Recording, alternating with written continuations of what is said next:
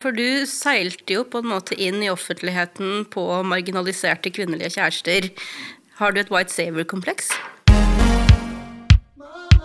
Hei, og velkommen til Det handler ikke om deg. Podkasten for deg som syns Tore Strømøy bør finne ut av hvem som finansierte Jarle Aabøs hatkampanje mot ekteparet Berg Trædal. Er, er det greit at vi kaller deg Trædal? Og Trædal vekselvis? Ja. Og er det Tredal? Nei, jeg veit ikke. Altså, jeg, ja. jeg har aldri helt kommet til bunns i det, det. I dag er vi tilbake med et nytt avsnitt av spalten Rikskansleren, hvor vi setter våre gjester på prøve for å avgjøre om de er allies eller ei. Dagens gjest er noen mange ville betalt gode penger for å få grille i en øde bygning på Filipstad, men det er altså vi som har fått æren.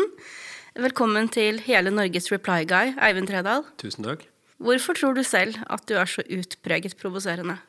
Uh, jeg tror det, det, er vel en blanding av at jeg ikke liker å tenke inni meg, så jeg skriver mesteparten av det jeg tenker ut. Uh, og så er det vel at jeg har mange meninger som folk ikke liker, da. Uh, og så tror jeg også det ligger litt i formatet. Det tenker jeg ofte på. For når folk skriver ting som jeg er uenig i, så leser jeg det med sånn «Hør hvor jeg er! Stemme. Og når jeg selv skriver, så tenker jeg sånn Hei, her kommer jeg med mine fornuftige meninger. Og så glemmer jeg på en måte at andre kanskje leser det jeg skriver med den irriterende negestemmen. Så, så man eh, eh, bruker kanskje ikke nok smileys. Kanskje man ikke er nok eh, myk. Men jeg har ofte tenkt at formatet, eh, banal eh, observasjon, men kan gjøre at man framstår litt mer eh, krass enn man vil være når man f.eks. bruker mye et skriftlig og kort medium som Twitter, som jeg ofte gjør. da. Ja, så det bidrar nok litt. Men mest er det nok meningene mine, tror jeg, da.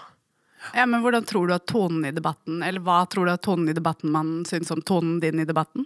Jeg, altså, jeg det, er, det kjipeste komplimentet og det hyggeligste komplimentet å få, er sånn Oi, du var jo egentlig veldig hyggelig eh, når du møter noen. For det impliserer jo både at du er hyggelig, men også at du ikke At det er overraskende.